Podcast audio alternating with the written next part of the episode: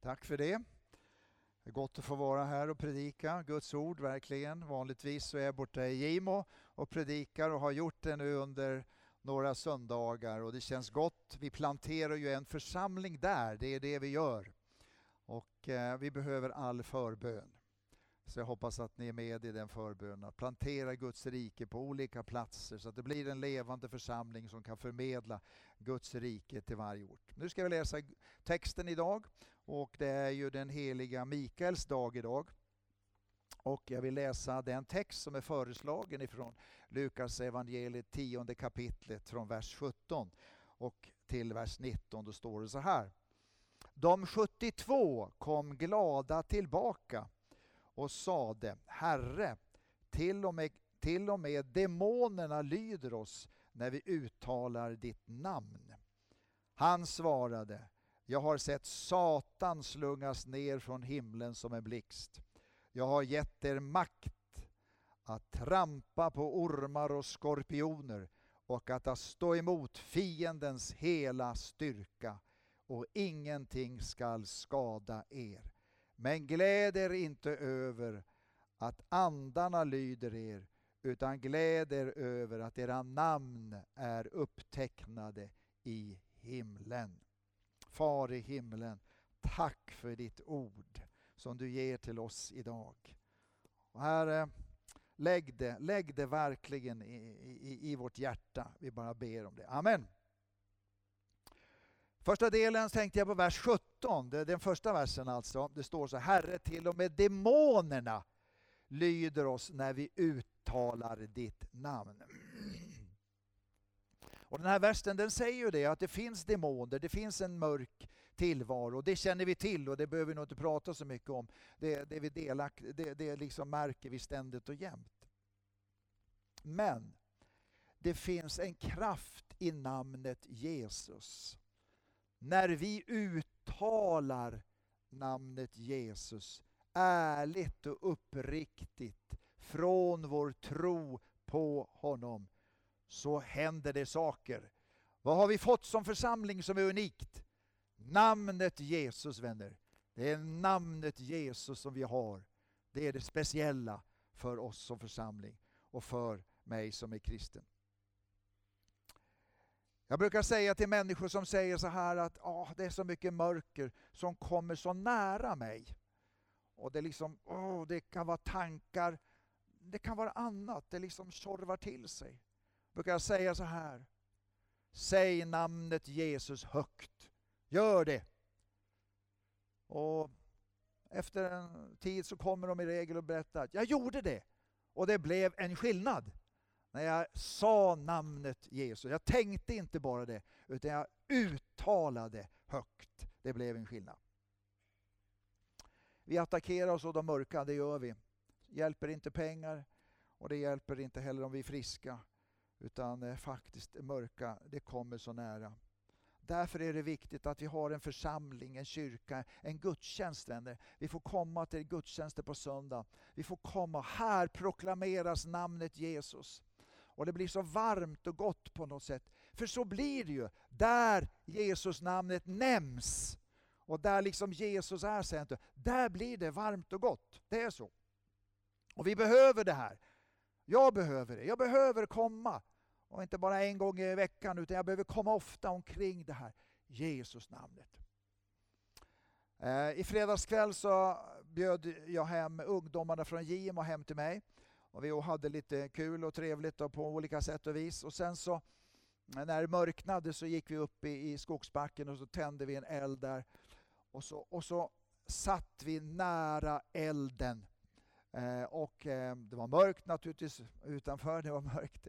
Men, men där nära elden så var det ljust. Och så började det regna lite grann också och jag sa vi kanske ska gå in. Nej, vi ska vara kvar här vid elden. Det är så varmt, det är så ljust, det är så gott, det är så skönt att vara här. Och så där är det när vi kommer till gudstjänst vänner. Så, så liksom kommer vi till elden Jesus. Vi vet att det finns mörker utanför, ja det vet vi. Men när vi kommer här så känner vi wow, här är det så gott att vara. Varför är det så gott? Därför att elden är där, Jesus namnet namnet Jesus. Han sprider det här ljuset, han sprider den här värmen. Oro och fruktan, det, liksom, det lämnar. Och vi känner, wow, detta är så gott. Och jag uppmanar dig naturligtvis att komma och vara med på gudstjänster och upptäcka det. Men jag skulle uppmana dig också att hemma vid, där du befinner dig, att uttala namnet Jesus. Jag tror att många av oss tänker Jesus. Vi tänker Jesus. Ehm, vi ber till honom och vi tänker honom så att säga, i tanken. Va? Men här står det, när vi uttalar ditt namn, står det. Då ger demonerna sig iväg. Och Jag vill uppmana mig själv och dig att uttala namnet Jesus högt. Att göra det. Och Eh, det gör vi ju på gudstjänsterna. Vi sjunger lovsång. Vi uttalar namnet Jesus. Vi gör det. Och det är därför det här blir så gott och så varmt. Det blir liksom något skönt på något sätt. Ja, det blir något mycket bra. Därför att Jesus, vi uttalar hans namn. Och när hans namn uttalas så försvinner mörkret. Och fortsätt att göra det i gudstjänsten. Och, och jag vet inte, skulle vi bara kunna, skulle bara kunna stanna upp i gudstjänsten just nu bara. Och så, och så om du vill, jag är inte mycket för att eh, tala om vad du ska göra, men kanske vi bara skulle kunna uttala namnet Jesus högt. Känns det bekvämt för dig, så gör det just nu. Bara. Vi lämnar en stund så här liksom. och så får du säga högt Jesus. Du får säga det. Gör det om du vill. Säg bara Jesus högt. Jesus, Jesus, Jesus, Jesus, Jesus, Jesus. Jag tror att det är viktigt att vi kommer in i det här. Tala namnet Jesus högt. Va? Och jag skulle rekommendera att du gör det hemma. Att du gör det varje dag. Om du från och med idag skulle börja till exempel att säga namnet Jesus högt fem, tio gånger varje dag. Så lovar jag att det blir skillnad i ditt liv och runt omkring dig. Det blir det. Du hittar tillfällen att göra det. Jag lovar det. Du kan göra det på morgonen. Man kan ju hänga upp det på någonting, att man säger alltid namnet Jesus högt i, i, i samband med någonting annat som man gör. Till exempel äter du mat förmodligen. Och när du, varje gång du äter mat så säger du också namnet Jesus högt. Just högt, det är det det handlar om. Det står så, när de uttalade Jesu namn, det var då som det mörka lämnade. Att uttala hans namn. Eh, gör det, gör det, låt det bli en vana. Eh, man åker bil, man kan bara verkligen säga högt Jesus. På jobbet kan man också säga Jesus. Den andra sidan, de svär hejvilt högt och låter oss andra få del av svordomarna. Det, det vet vi ju, så är det ju. Men vi kan också få uttrycka Jesus, för vi tror verkligen på honom.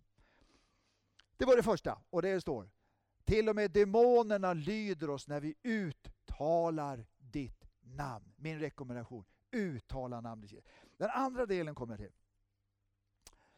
Eh, där står så här i vers 19. Ja, jag har gett er makt att trampa på ormar och skorpioner och att stå emot fiendens hela styrka. Och ingenting skall skada er, står det. Ingenting. Varför ska vi uttala namnet Jesus? Jo, därför att det mörka flyr när vi uttalar namnet Jesus. Och Det är så lätt att det mörka ockuperar oss i tankevärlden. Alltså det gör det, det, det tjorvar till sig.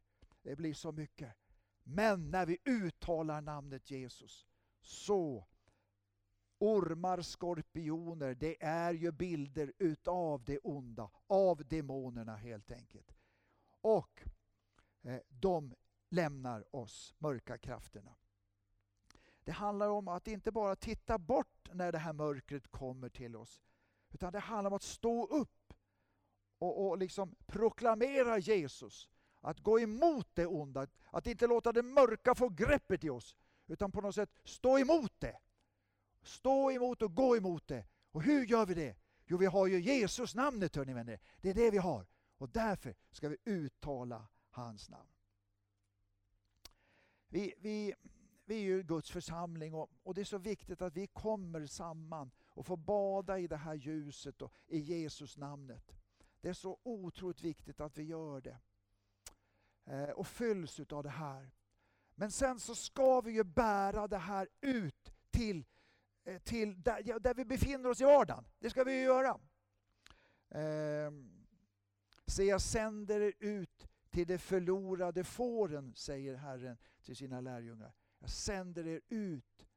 Och med detta varma Jesus-namnet så sänder han oss ut på mm, olika ställen. In i vårt hem till exempel, vår familj, vår släkt, arbete, skola. Ja, överallt så sänds vi liksom ut till med, med namnet Jesus. Det är ju så.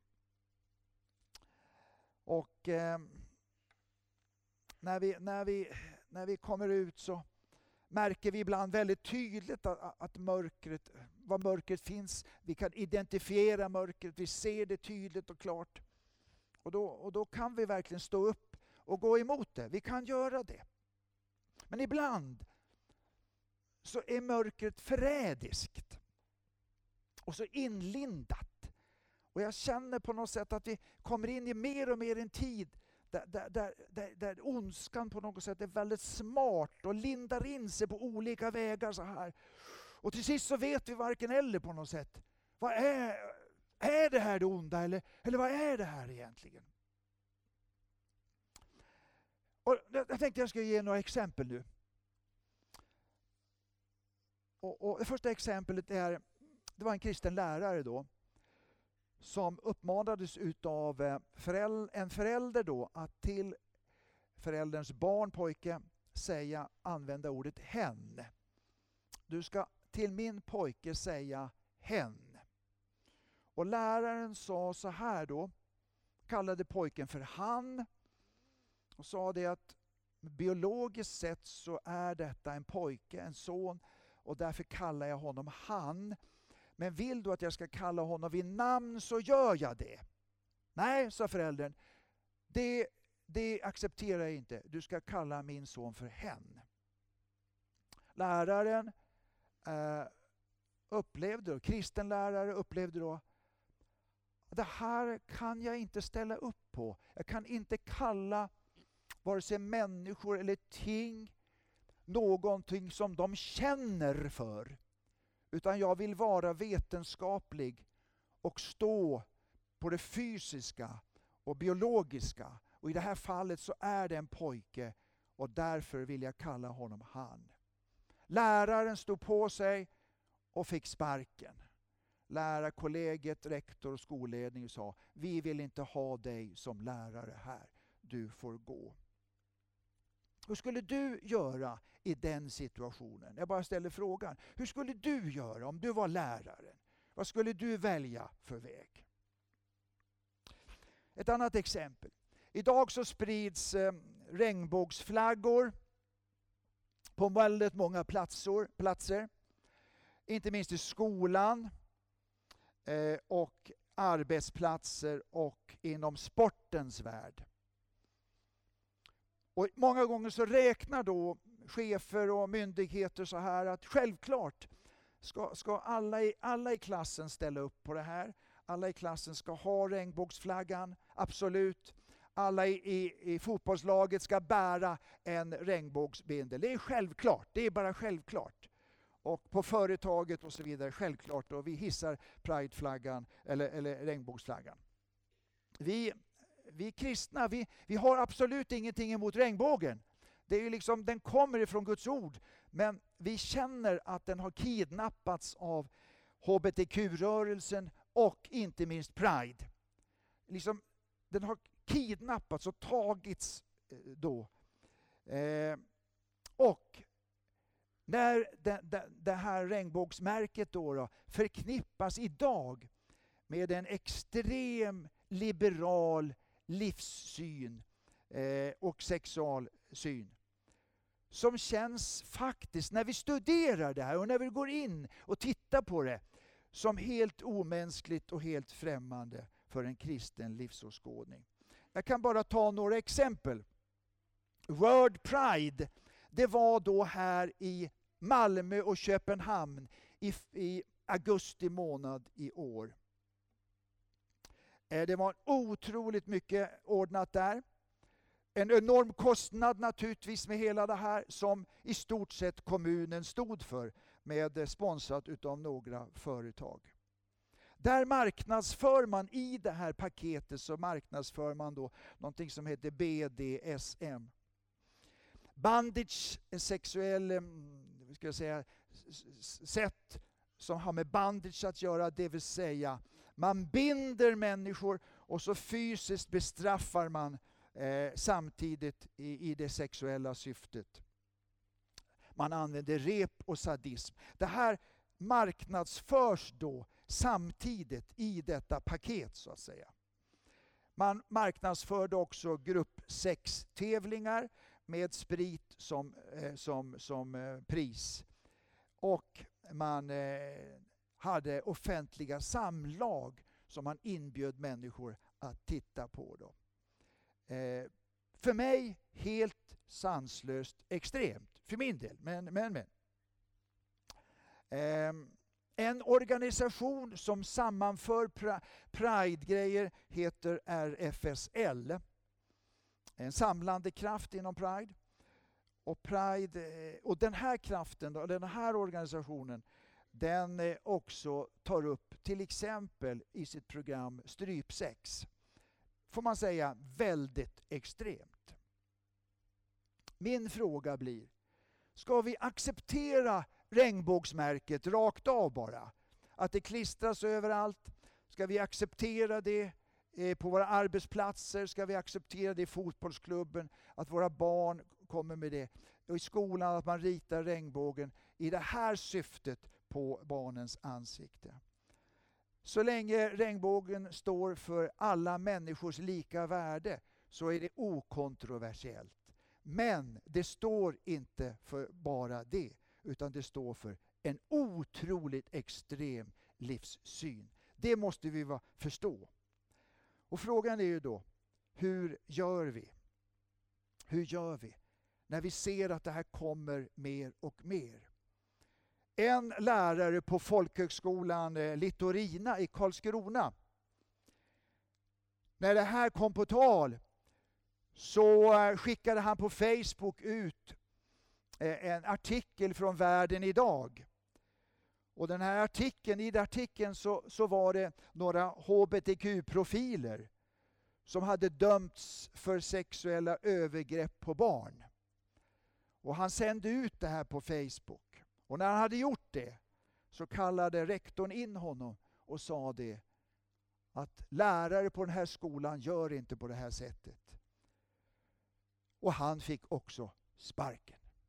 Vi vill inte ha sådana lärare som du som säger på det här sättet. På de flesta kyrkokonferenser nu så tas frågan upp om samkönad äktenskap. Och så gjordes också i kyrkan som vi, avslut, som vi alldeles nyligen avslutade. Där fanns en motion med ganska många underskrifter som menade på att samtliga församlingar i Ekumenia bör viga samkönat. Och med tanke på, tillade man, att inte diskriminera någon människa. Motionen avslogs, men man sa vi ska vara en rörelse som inte diskriminerar någon människa. Och att vi bör ta upp frågan till fortsatt samtal. Hur ska vi navigera i den frågan? Vi kan titta bort. Men ska vi verkligen göra det? Du har säkert hört talas om Elinor Glimmark. Hon som utbildade sig till barnmorska. Och sedan när hon skulle ta tjänst så sa hon tydligt jag tänker inte medverka till att utföra abort eller liknande saker. Eh, hon fick en chans att vända om. Men hon stod fast på det. Och hon refererade då till samvetsfrihetslagen. Som alla i stort sett demokratier över hela världen har en lag. Samvetsfrihet. Vilket innebär att om det här hindrar din religiösa övertygelse eller moraliska uppfattning så har du rättighet att säga nej, att inte delta. Hon åberopade den, hon blev uppsagd och hon överklagade och nu är det, tror jag, klart att i alla instanser så har hon fått ett nej. Hon eh, åkte till Norge och frågade om hon kunde vara barnmorska där, men inte utföra aborter. Och de sa, självklart kan du arbeta här. När den frågan kommer, då låter vi någon annan göra det jobbet. Så eh, den här samvetsfrihetslagen, som sagt var, den har då de flesta demokratier att tillämpa den. Sverige tillämpar den alltså mycket tveksamt. Och någon sa att vi har hamnat i samma kategori som Kina och Nordkorea. Min fråga idag med de här exemplen är hur ska vi som troende navigera i det landskap som vi har utanför? Hur ska vi göra? Ska vi titta bort? Eller ska vi säga vår mening? Hur ska vi hantera Pride, regnbågsflaggan? Hur ska vi hantera frågan om samkönat äktenskap? Jag tror själv att vi inte bara ska titta bort. Jag tror inte det.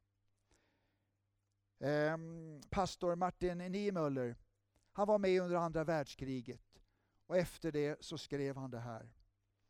I Tyskland hämtade de först kommunisterna och jag protesterade inte för jag var inte kommunist. Sedan hämtade de fackanslutna och jag protesterade inte för jag var inte fackansluten. Sedan hämtade de judarna och jag protesterade inte för jag var inte jude.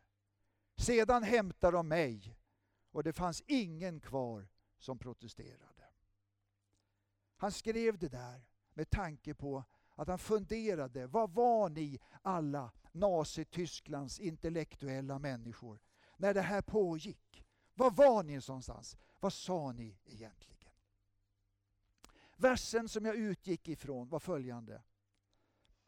Han säger så här, vad jag säger, Jesus idag säger han, att jag har gett er makt att trampa på ormar och skorpioner och stå emot hela fiendens styrka och ingenting skall skada er.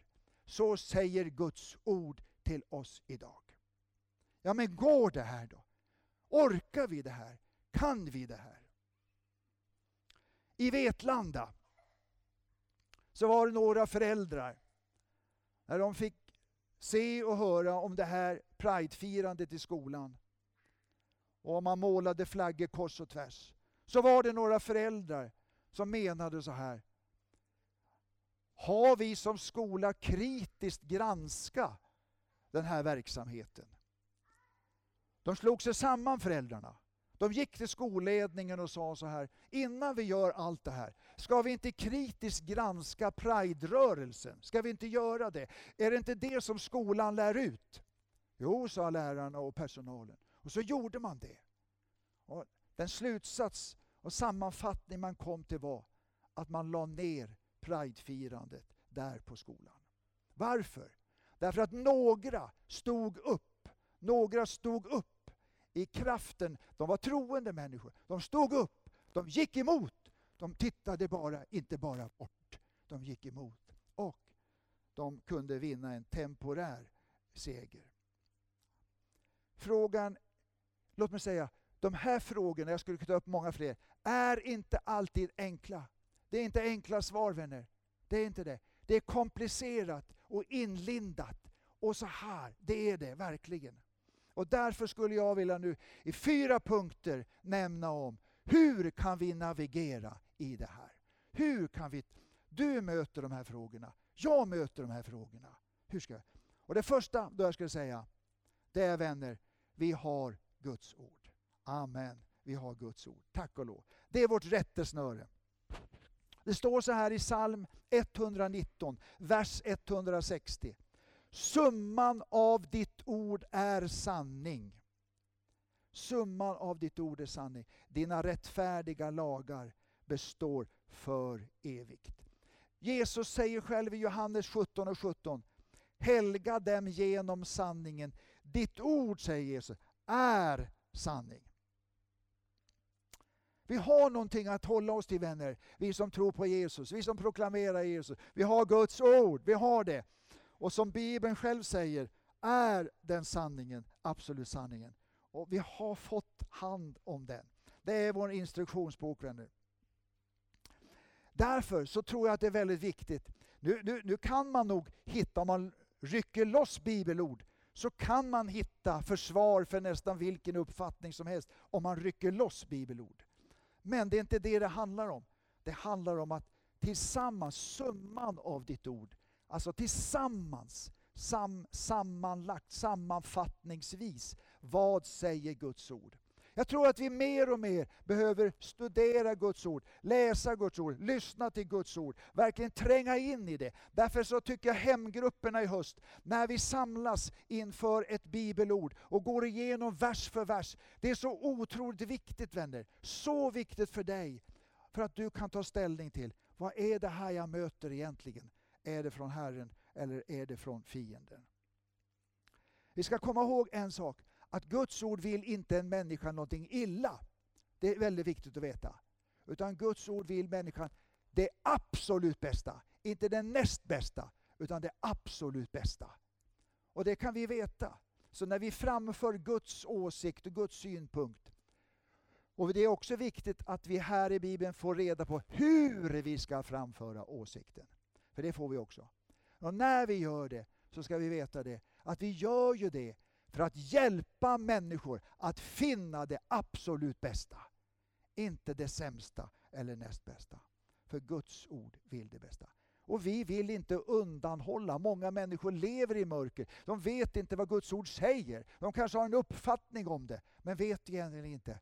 Vi har, vi, vår uppgift är att berätta det för människor. Så att ljuset kommer till dem helt enkelt. Så de förstår, aha, är det så här det fungerar. Guds ord vänner, det var nummer ett. För att navigera rätt i den här tiden behöver du känna till, leva i Guds ord. Det andra, det är vårt samvete. Paulus talar om det här i Romarbrevet 2. Han säger så här. Det som lagen kräver är skrivet i deras hjärtan. Om detta vittnar också deras samvete. Alltså Gud har lagt ner sin vilja i våra samveten. Han har gjort det. Det var någon som sa att samvetet är att samveta tillsammans med Gud. Visst, det kan mattas för vissa, absolut, det kan göra det. Men ändå så är det en riktningsgivare på något sätt. Och det tror jag, vi, jag tror vi alla har liksom varit i kanten, naggat i kanten. Det är på det som inte liksom riktigt är sant och äkta, utan vi sysslat kanske med. Och då märker vi en sak i vårt samvete. Det är ungefär som en järnvägsövergång. Du vet, en blinkande röd lampa kommer liksom till oss då. Och vi bara känner så här, ah, det här var fel. va? Det här är inte rätt. Känns inte rätt. Känns i mag. Magkänslan säger att det är, liksom, det är något som är fel. Så fungerar det ju när vi kommer vid sidan om. Samvetet visar. På samma sätt så visar också samvetet på något sätt när det är gott och riktigt. Va? Det, finns, det finns någonting gemensamt som Gud har lagt ner i oavsett om vi är troende eller inte troende i människor. Till exempel, om det är någon som blir nedslagen på en gata så är det inte bara de troende människorna som går och hjälper. Utan det gör alla. Varför det? Därför att det finns nedlagt någonting av Gud att hjälpa, att ställa upp. Och det har vi sett så många sammanhang. Alltså. Människor går man i huset för att ställa upp, för att hjälpa.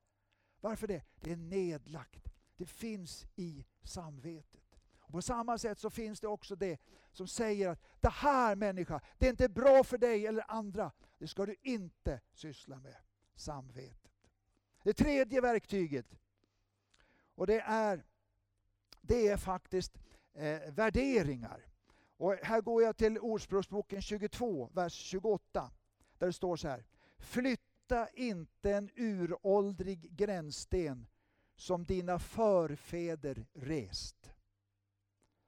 Ehm, och Paulus han säger liknande saker. Stå alltså fasta bröder och håll er till de läror som vi har fört vidare till er muntligen eller i brev. Och här tänker jag på de första troende människorna. Utav, utav Jesu undervisning så bildar de liksom eh, värden, värden och, och, och, och normer. De utvecklade det. Och mycket av det här är råmärken som har följt kyrkan genom alla tider. Det är liksom orubbligt på något sätt. va? Det är liksom värderingar och värden som är raka, spikraka från Jesu tid till vår tid. Och det här, det här, sen har tiderna varit olika. Ibland så har det svängt över till den här sidan och man har sagt så här, nej men de där gäller inte längre. För att sen om nästa århundrade har det svängt över till andra sidan och då har man sagt det gäller inte. Men kyrkans värderingar, det har liksom stått år efter år, århundrade efter århundrade. Låt oss inte i den här tiden kasta bort de värdena och värderingarna. Nej, låt oss inte göra det. Utan stå fasta även när det blåser. För det, värdena kommer. Vi kanske funderar så här i dagsläget. Ja, ah, jag undrar jag om hur äktenskapet kommer att överleva mellan man och kvinna. Nej, som det är nu så kommer det nog inte. Du behöver inte vara orolig. Det kommer att överleva. Därför att det ingår i Guds värderingar. Och därför kommer det att överleva. Och du kan vara trygg i detta. Det fjärde och sista. Guds helige Ande. Vi som hans folk har fått Guds helige Ande. Och genom Guds helige Ande när vi kommer till honom i kniviga situationer på arbetsplatser och skolor. Så här, vad ska jag välja? Vad ska jag säga? Så ber vi och så kommer den helige Ande till oss. Och den helige Ande hjälper oss. Den helige Ande styrker oss, gör så att vi får mod att stå upp och om vi ska gå emot det mörka så ger han oss kraft att göra det. Han ger oss visheten och förståndet att ta tag i hela den här situationen. Den helige Ande, underskatta inte den helige Ande. Räkna med att du har en hjälpare. Räkna med att han har en lösning för dig och för, för sitt rike i varje situation. Jag har gett er makt att trampa på ormar och skorpioner och stå emot fiendens hela styrka och ingenting skall skada er. Det är löftet ifrån den här gudstjänsten till dig. Du ska stå upp min vän. Du ska göra det. Du ska göra efter Guds vilja. Paulus säger också, vi har en kamp att utkämpa, inte mot kött och blod, det vill säga människor, utan mot makterna i himlarymderna.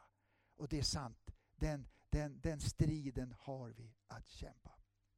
När jag, när jag förberedde mig här, det här har jag förberett under en längre tid.